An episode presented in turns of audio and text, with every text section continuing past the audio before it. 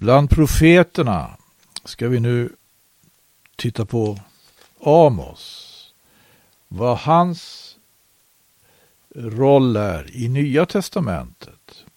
Jo, det vet vi att när Jesus mötte lärjungarna efter sin uppståndelse, då han gick med dem tillsammans på Damaskusvägen, så, så sa han ju att alla profeterna hade talat om honom. Så Amos har också gjort det, även om det inte är eh, så uttryckligt. Jag tror inte att det finns något citat av Amos återgivet i Nya Testamentet. Men han är ju en av de profeter som har förutsagt de kommande tiderna. Och det finns verkligen anledning att studera Amos för att se hur han förvaltar sitt uppdrag att profetera. Om vi bara tar det att profetera så är det ju någonting som vi möter i både gamla och nya testamentet.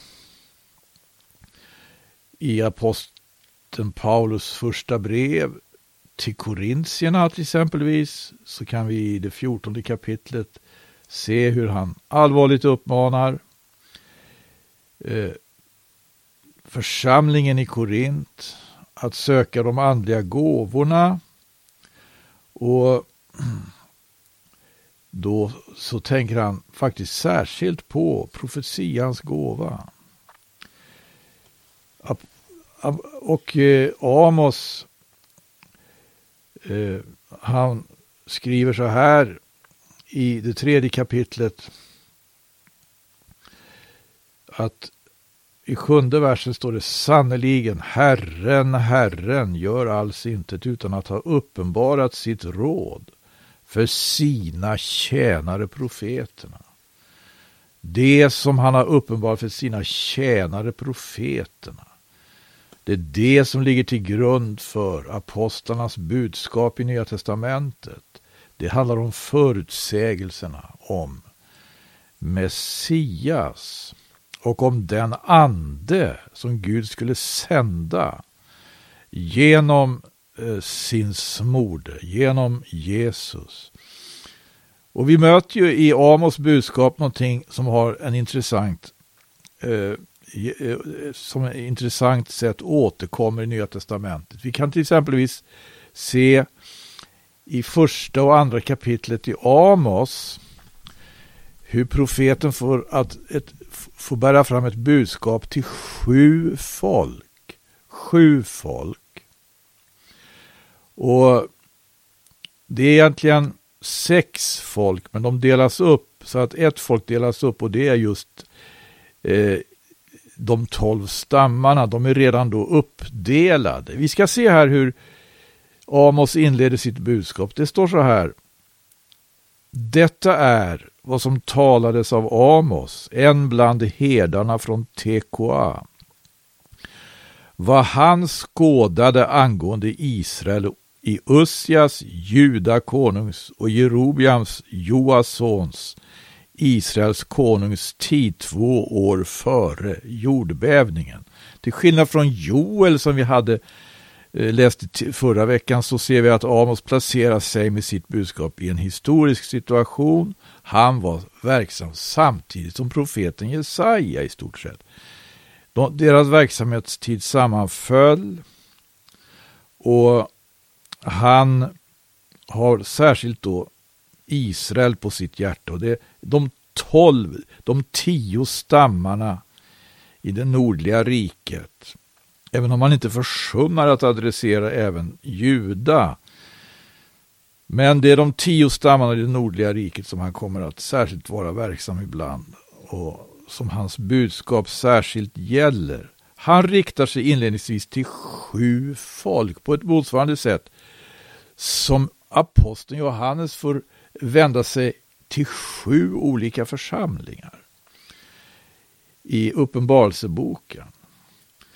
Och på ett motsvarande sätt som aposteln Johannes utgår alltså Amos från ett tema. Man kan säga det, det är ett profetiskt tema som han utgår ifrån. För Johannes så var det just uppenbarelsen som han fick av Jesus Kristus. Den uppenbarelsen återkommer i varje sändebrev av sju sändebrev. Eh, Amos vänder sig till sju folk. Han profeterar om sju folk.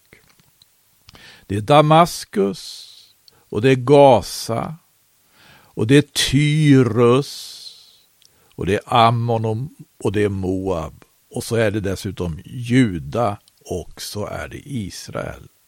Egentligen skulle Juda och Israel vara ett folk, men det blir sju folk här. De är redan söndrade från varandra. Så profeten Amos bär fram ett budskap som gäller dels ett för, för Juda och dels ett för Israel. Men innan dess alltså till, vänder han sig till Damaskus först och främst. Och vi kan titta på hur han gör det. För han, han eh, upprepar samma sak. Eh, varenda gång han för fram någonting så säger han så här. Eh, till exempelvis vers 3, kapitel 1. Så säger Herren, eftersom Damaskus har trefalt förbrutit sig, jag fyrfalt ska icke rygga mitt beslut. Han säger i vers 6.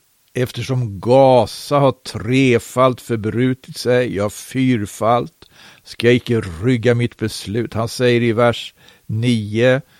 Eftersom Tyrus har trefalt förbrutit sig, ja fyrfalt, ska jag icke rygga mitt beslut. Han säger i vers 11. Eftersom Edom har trefalt förbrutit sig, ja fyrfalt ska jag icke rygga mitt beslut. Han säger i vers 13. Eftersom Ammons barn har trefalt förbrutit sig, ja fyrfalt ska jag icke rygga mitt beslut. I andra kapitlet fortsätter han och vänder sig till dem med dessa ord. Eftersom Moab har trefalt förbrutit sig, ja fyrfalt ska jag icke rygga mitt beslut. Och i vers 4 i andra kapitlet säger han eftersom Juda har trefalt förbrutit sig, ja fyrfalt ska jag icke rygga mitt beslut. Och i vers 6 så säger Herren, eftersom Israel har trefalt förbrutit sig, Jag fyrfalt ska icke rygga mitt beslut. Och vad är det då han anmärker på här? Vad är det Guds ande anmärker på? Varje folk som nämns här har förbrutit sig. Och på vilket sätt då? Jo, vi kan läsa att eh, det som Gud klandrar dem för att de har förbrutit sig mot Israels folk. Alla de här, alla har med, med ett undantag förbrutit sig mot Israels folk och behandlat Israels folk illa i vissa lägen. I, i, med, med undantaget Moab då som har förbrutit sig mot Edom. Medan däremot Juda förbrutit sig mot Gud. Och det har också Israel gjort. På vilket sätt har judar förbrutit sig mot Gud? Jo, det står så här. Eftersom de har förkastat Herrens lag och icke hållit hans stadgar, utan låtit förleda sig av sina lögngudar, de som och deras fäder vandra efter. Därför ska jag sända en eld mot Juda och den ska förtära Jerusalems palatser. På ett motsvarande sätt så avslutas varje budskap också med någonting liknande. Vad hade Damaskus förbrutit sig med? Jo, de hade tröskat Gilead med sina tröskvagnar av järn. Och vad skulle bli följden av det då? Jo, därför ska jag sända en eld mot Hasaels hus och den ska förtära Ben Hadads palatser. Vad hade Gaza förbrutit sig mot? Jo, de hade, står det, fört bort allt folket såsom fångar och överlämnat dem åt Edom.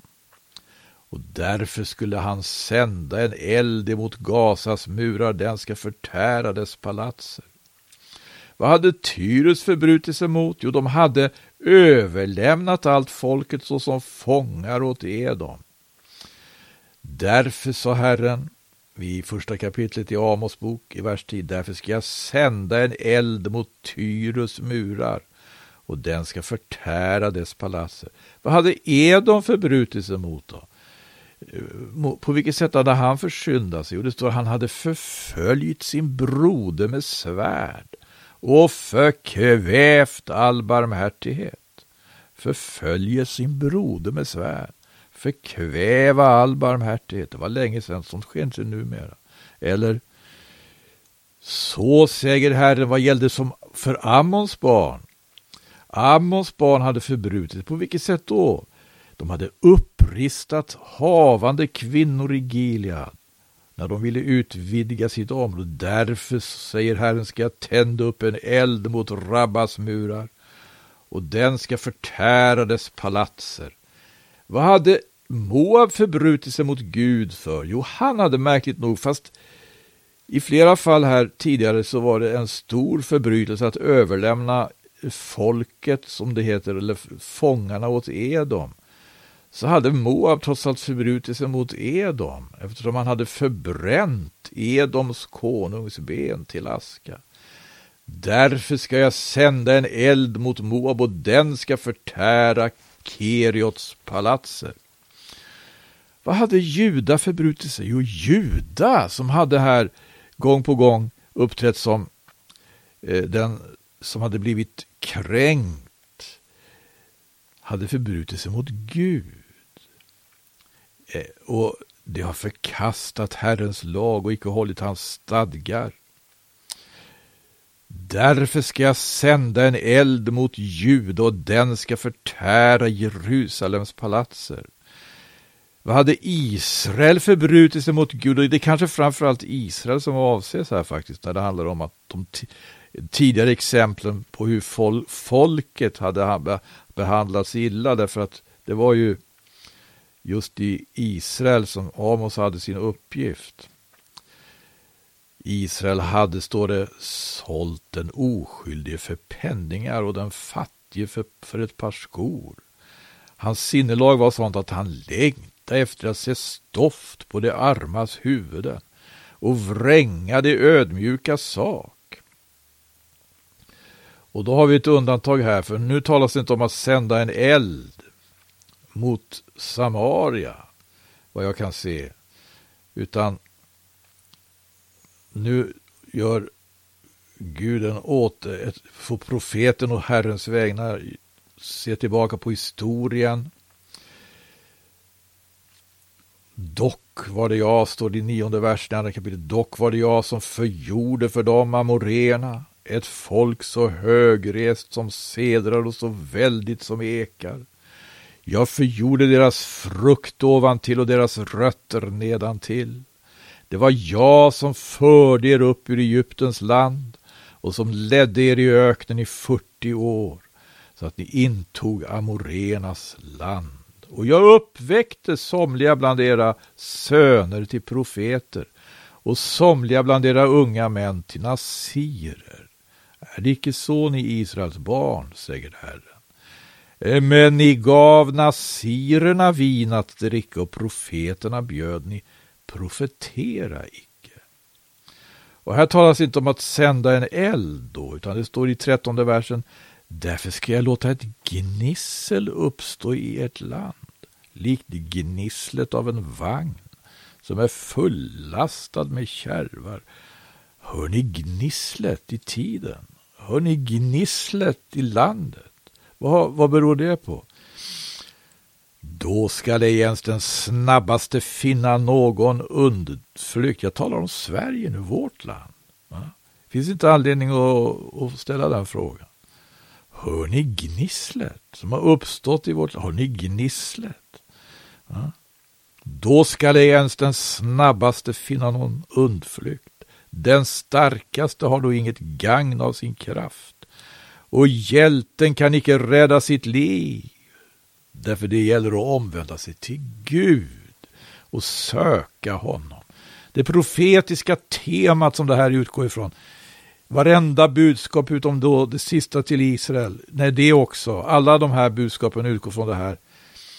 Du har trefalt förbrutit dig.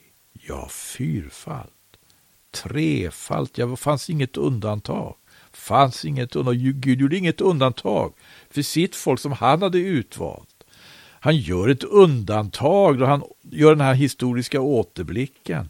Därför han påminner inte när det gäller de andra folken om hur han har fört dem ut ur Egypten. Det hade han däremot gjort med Israel. Det är ju den historien vi har i Bibeln. Det, det profetiska temat är väldigt intressant att göra den här jämförelsen tycker jag med Uppenbarelseboken. När Uppenbarelseboken skrivs, det lär vara på 90-talet, efter Kristi födelse då, alltså ett, ungefär 60 år drygt efter Jesus hade dött och hade uppstått och församlingen hade uppstått också ute bland nationerna. Och här vände sig profeten till sju församlingar i provinsen Asien. Det var under romartiden. Det talas om en provins här. Och det var någonting med de här sju församlingarna.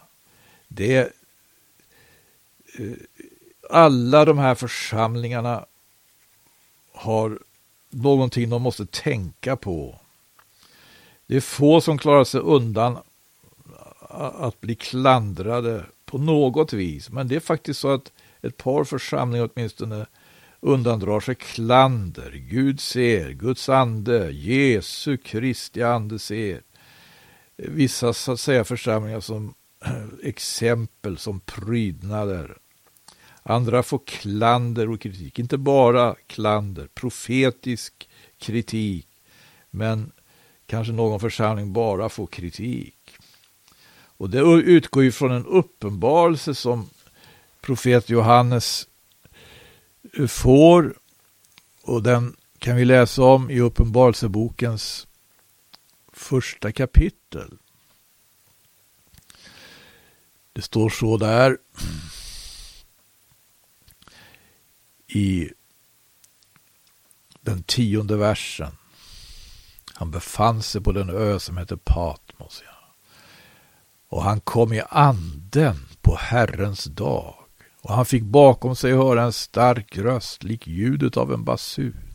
Och den sa, skriv upp i en bok vad du får se och sänd den till de sju församlingarna i Efesus och Smyrna och Pergamus och Tyatira och Sardes och Filadelfia och Laodicea. Och jag vände mig om för att se och det var för en röst som talade till mig.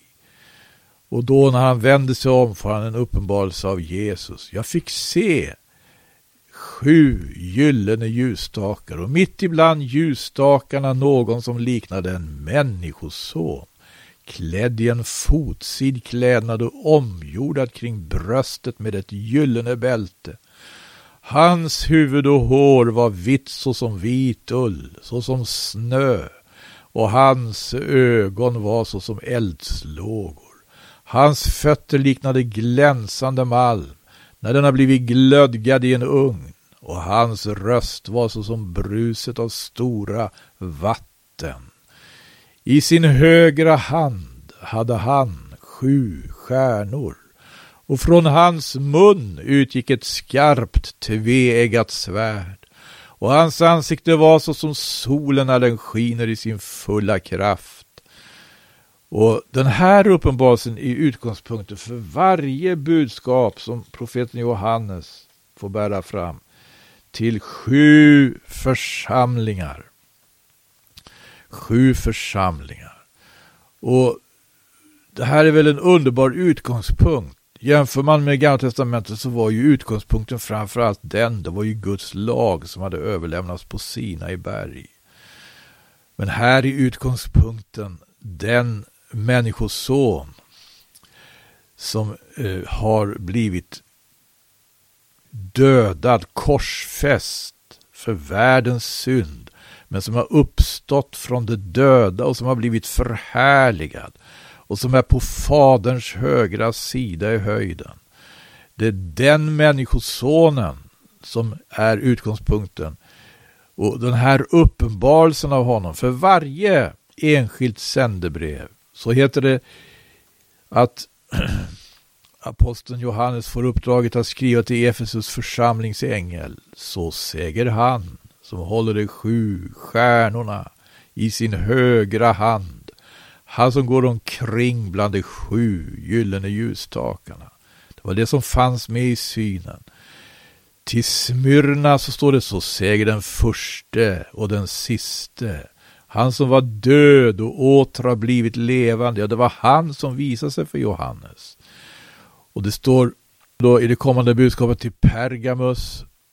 Så säger han som har det skarpa tveeggade svärdet. Ett svärd.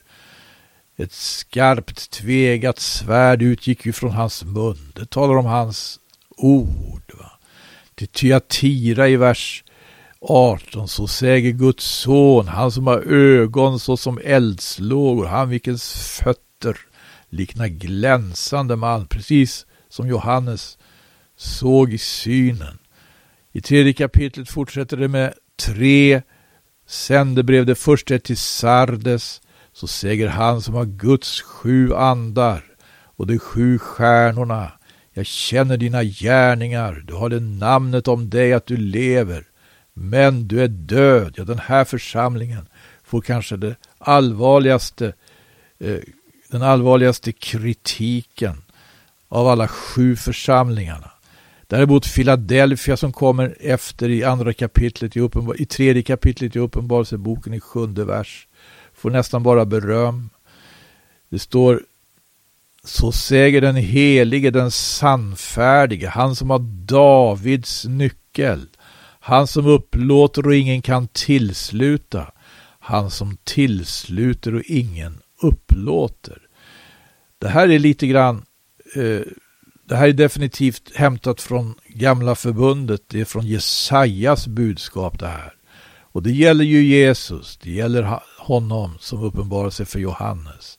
Och till Laodicea så står det, så säger i vers 14, så säger han som är Amen, den det trovärdiga och sannfärdiga vittnet begynnelsen till Guds skapelse.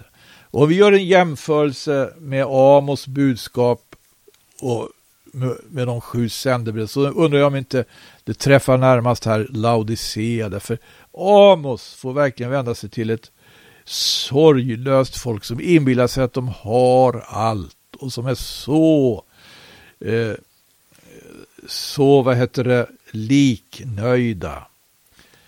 Det det är precis eh, det läget som man kan säga råder i Laodicea. Därför där står det eh, du säger jag är rik, jag har vunnit rikedomar och behöver intet. Och du vet inte att du just är eländig och ömkansvärd och fattig och blind och naken.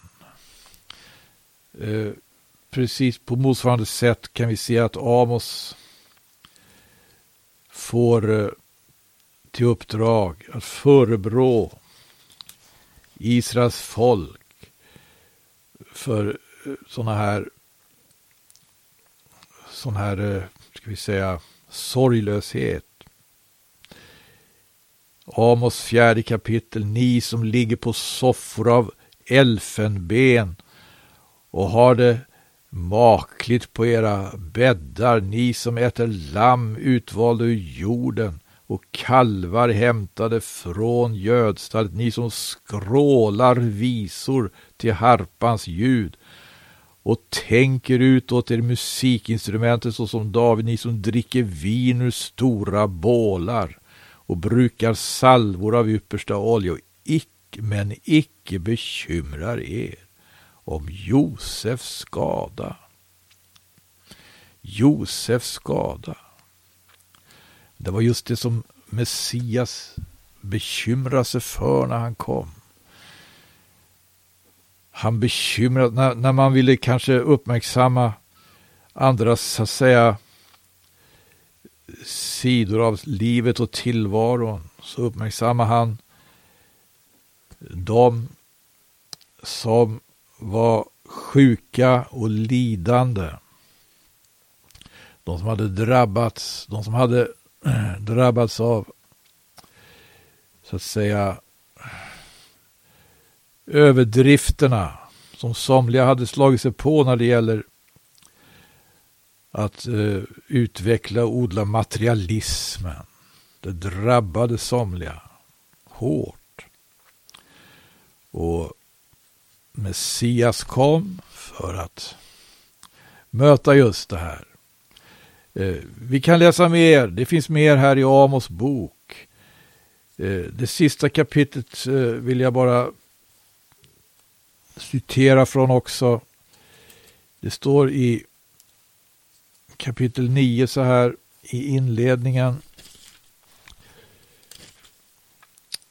Jag såg Herren stå invid altaret och han sa slå till pelarhuvudena så att trösklarna bäva och låt spillrorna falla över huvudet på alla där.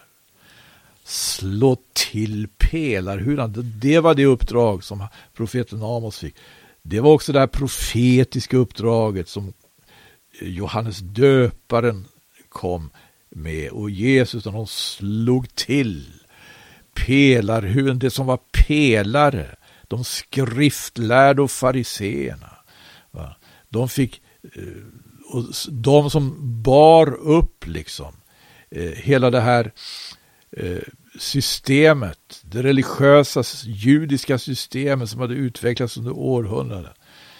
De var det som framförallt blev gisslade. Och det här skulle vi kunna titta på mera. Men tiden går. Vi har anledning att ta profeterna som talade i Herrens namn till våra förebilder, står det i skriften. Och låt oss göra det. Tack för er uppmärksamhet. Gud välsigne var och en.